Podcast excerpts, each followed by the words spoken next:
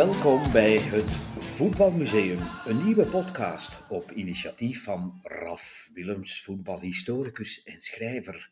Vertellingen, inzichten, portretten en anekdotes uit het rijke verleden van het spel om de bal.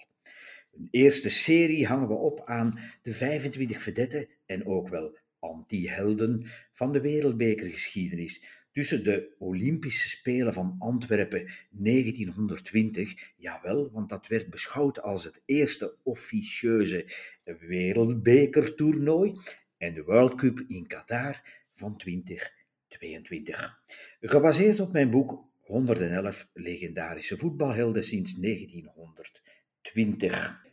Welkom bij aflevering 7 over Frits Walter, dubbelpassen van de Wolga tot het wonder van Bern in 1954. Referentiewedstrijd West-Duitsland-Hongarije 3-2, de finale van het Weltmeisterschaft in Zwitserland op 4 juli 1954. Frits Walter der Frits. Hij regisseerde de renaissance van het West-Duitse voetbal in de jaren 50. Hij was het eerste echte Duitse voetbalidool dat wereldwijd respect afwon. En zijn spectaculaire ontsnapping uit de Russische gulag bood Hans Blickensdörfer de literaire fantasie voor zijn bestseller Doppelpas an der Wolga. In 1939 deed bondscoach Sepp Herberger de ontdekking van zijn leven toen hij de 19-jarige Walter scoutte tijdens de kampioenschapswedstrijden van FC Kaiserslauteren in de tweede afdeling. Excuus. Op 5 december 1940 stuurde Herberger zijn nieuwe beschermeling een brief met een controversieel slot.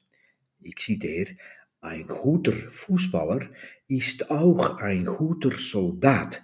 Besten Gruß und Heil Hitler. Einde citaat. Op 8 mei 1945, de laatste dag van de Tweede Wereldoorlog, namen de Amerikanen Frits Walter, die eerder had gevochten op de eilanden Elba, Corsica en Sardinië, gevangen in Bohemen in Tsjechoslowakije. Ze leverden hem over aan de Russen, die hem op transport wilden zetten richting Siberië. Een malaria-aanval velde Walter en hij bleef achter in het gevangenenkamp. Hij belandde op een goederentrein met onbekende bestemming. Ze spoorden zestien dagen door het woeste landschap. De tocht eindigde in een bar oord op de grens van Roemenië met Oekraïne. Voor Walter begon de gevaarlijkste en meest bizarre periode van zijn leven. Het was de verzamelplaats voor krijgsgevangenen, die in groepen van honderd naar de kampen in de Russische toendra werden getransporteerd. Op een avond arrangeerden kampbewakers een wedstrijdje met de gevangenen. Walter kon zich niet bedwingen en herinnert zich in zijn memoires Spielen die ik niet vergessen, hoe hij als het ware magisch werd aangetrokken door de bal. Hij vergat alles om zich heen en liet het leder, zoals hij dat noemde, van zijn ene voet op de andere dansen, om uiteindelijk het uh, tussen de mutsen die op de grond lagen, om als doel te dienen om die tussen de twee mutsen binnen te schieten. De bewakers erkenden zijn talent en bedisselden dat hij hun team mocht komen versterken. Hij kreeg één opdracht mee: zorgen dat het personeel die avond kon winnen. Een simpel voetbalpartijtje hield hem dus uit de Stalinistische strafkampen van de Sovjet-Unie. Op die wijze bleven hem pietere maanden van gevangenschap in de kale, koude vlakte van Rusland bespaard.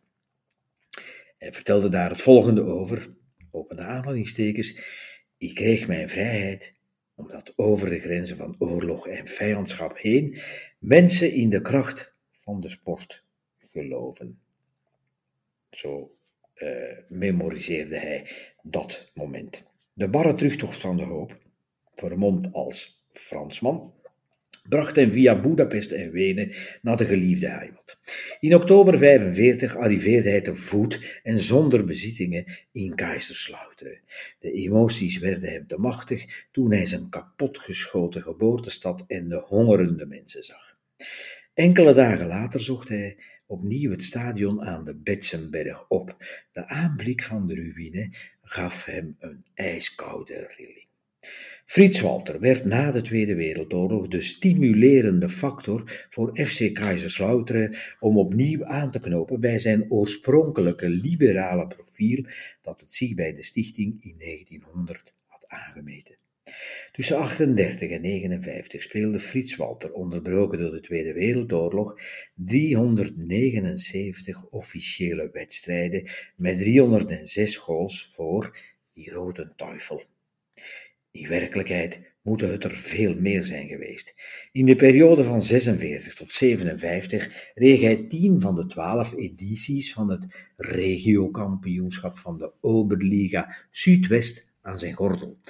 Dat leidde tot landskampioenschappen in 1951 en 53 en verloren finales in 48, 54 en 55. In West-Duitsland traden de kampioenen van de diverse regio's in een kwalificatiepoelen en vervolgens in een knock-out fase met elkaar in het strijdperk. Het FC Kaiserslautern van Frits Walter besteeg dus vijf keer in acht seizoenen bij de grote finale de trappen naar de eretribune in Berlijn. Zij het drie keer als onverwachte verliezer. Het tot dan toe ingedommelde stadje Kaiserslautern verwierf nationale faam. En de Betsenberg werd gedurende een decennium het voetbalmiddelpunt van de jonge Bondsrepubliek. Die Roten Teufel wiste het minderwaardigheidscomplex van de streek uit. Het technische en Friese voetbalveld, eh, spel van Fries Walter, Frits Walter Liever en zijn ploeg lokte in heel Duitsland tienduizenden toeschouwers naar de stadions. Het betekende ook een breuk met het fysieke gebeuk van het nationaal-socialistische era. De streek rond de stad van Walter veramerikaniseerde langzaam. Intussen had de bondscoach een masterplan bedacht om de wereldtitel te winnen. Op het WK van 54 in Zwitserland, het buurland. Ondanks de aanwezigheid van de magische Magyaren, de onklopbare Hongaren van Puskas en Koksis en co. in de eigen poelen. Van een duel op het scherp van de snede was geen sprake. 8-3 verlies. Herberger, de bondscoach, strooide echter zand in de ogen door niet met zijn beste elftal aan te treden. Na een dubbele zege tegen Turkije, 4-1 en 7-2 in de testwedstrijd, werd de manschaft in de kwartfinale gekoppeld aan favoriet Joegoslavië, verliezend finalist van de Olympische Spelen in 1952, tegen de Hongaren dus. Frits Walter klom boven de rest van het veld uit en hij bood een van zijn beste partijen in het nationale shirt en sloeg, ondanks zijn 34 jaar, met het dirigentenstokje om het tempo aan te geven. De middenveldstrateeg hield de bal in het team, op het ogenblik dat Joegoslavië dreigde. Drie minuten voor het einde counterde Raan de zwart-witte met de 2-0 naar de halve finale en daar toonde Walter zijn echte ware klasse.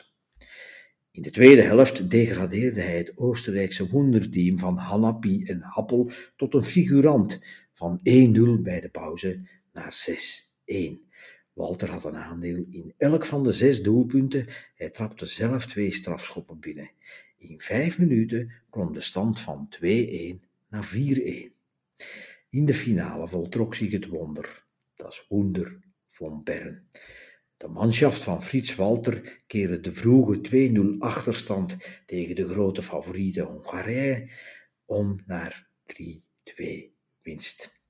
Tranen over West-Duitsland 4 juli 1954 werd de nieuwe nationale feestdag.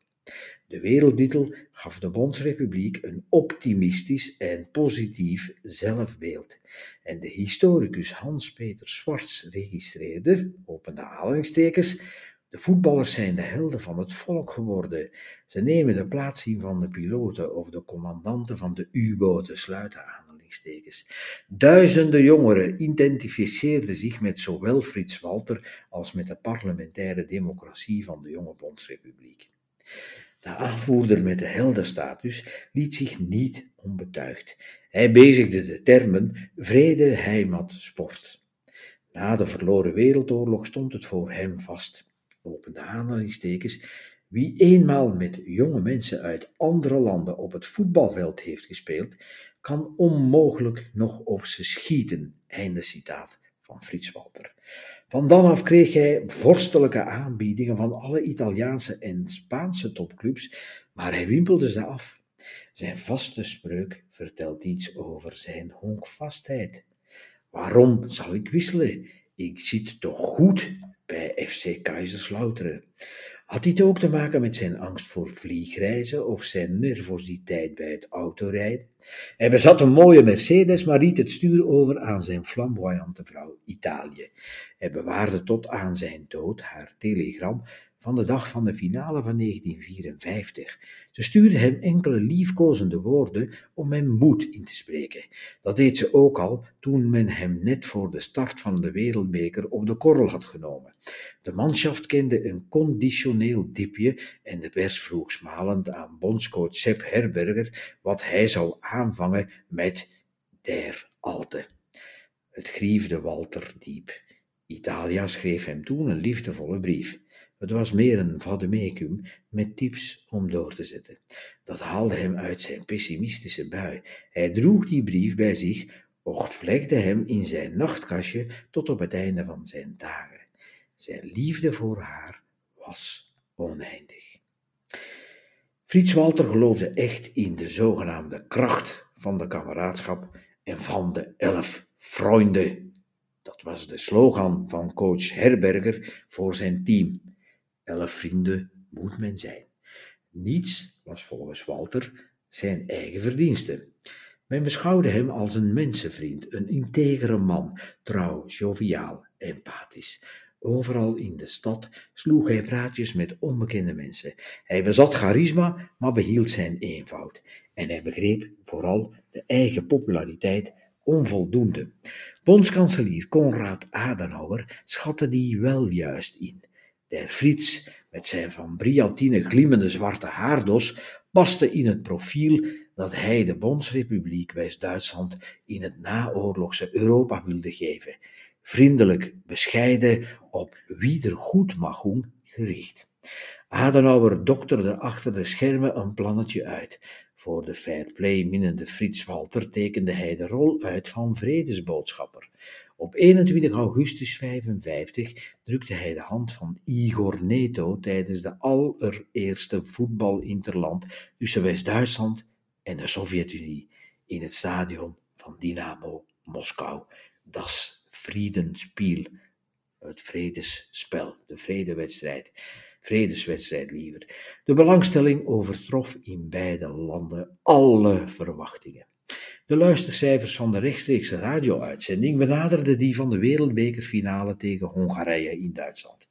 Frits Walter herinnerde zich de ervaring als bijzonder ingrijpend op zijn innerlijke gemoed.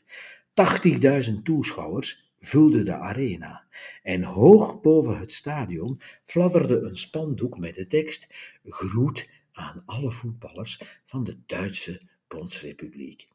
Na de volksliederen gooiden de wereldkampioenen bloemenruikers in het publiek. Precies tien jaar nadat hij aan de Gulag-archipel was ontsnapt, ontving Frits Walter in Moskou een staande ovatie. Na de wedstrijd, 3-2 zegen voor de Sovjets, troepten duizenden enthousiaste Russen samen rond de Duitse spelersbus. Een maand later haalde Konrad Adenauer zijn slag thuis en werden de laatste krijgsgevangenen op vrije voeten gesteld. De voetbaldiplomatie van das Friedenspiel, de vredeswedstrijd dus, had optimaal gerendeerd. Walter zocht het romantische in het leven. Hij was dan ook het gezicht van de voetbalromantiek, techniek, spelplezier, kameraadschap, familiegeest, heimat. Zijn voornaam, Der Frits, werd een algemene aanspreektitel, als betrof het een academische graad. De roem van de bescheiden kunstliefhebber, tot aan zijn dood in 2002 zou hij de goede Duitser blijven, bleek tijdloos te zijn. Met zijn elf vrienden bracht hij democratische en antimilitaristische Duitse voetballers voor het voetlicht en toonde de weg naar een betere toekomst. Hij heeft deze stemming verhevigd. Na zijn voetballoopbaan ging hij met zijn coach Sepp Herberger aan de slag om de sociale integratie van moeilijk opvoedbare jongeren te bevorderen. Tijdens bezoeken aan jeugdgevangenissen nam hij veel tijd voor, tussen aanhalingstekens, mensen met een verleden. Hij vertelde hen op hun beurt zijn eigen story over zijn lange weg naar de wereldtitel. Van oorlogsgevangene aan de Volga in 45 tot held van het wonder van Bern na de gewonnen wereldbekerfinale in 54 tegen Hongarije, Frits Walter. Hij werd geboren op 31 oktober 1920 en overleed op 17 juni 2002. Talloze keren regiokampioen met Kaiserslauteren, twee keren landskampioen van West-Duitsland, drie keer verliezend finalist, 61 interlands met de manschaft, wereldkampioen in 54, halve finalist van de wereldbeker van 58. En dit was aflevering 7.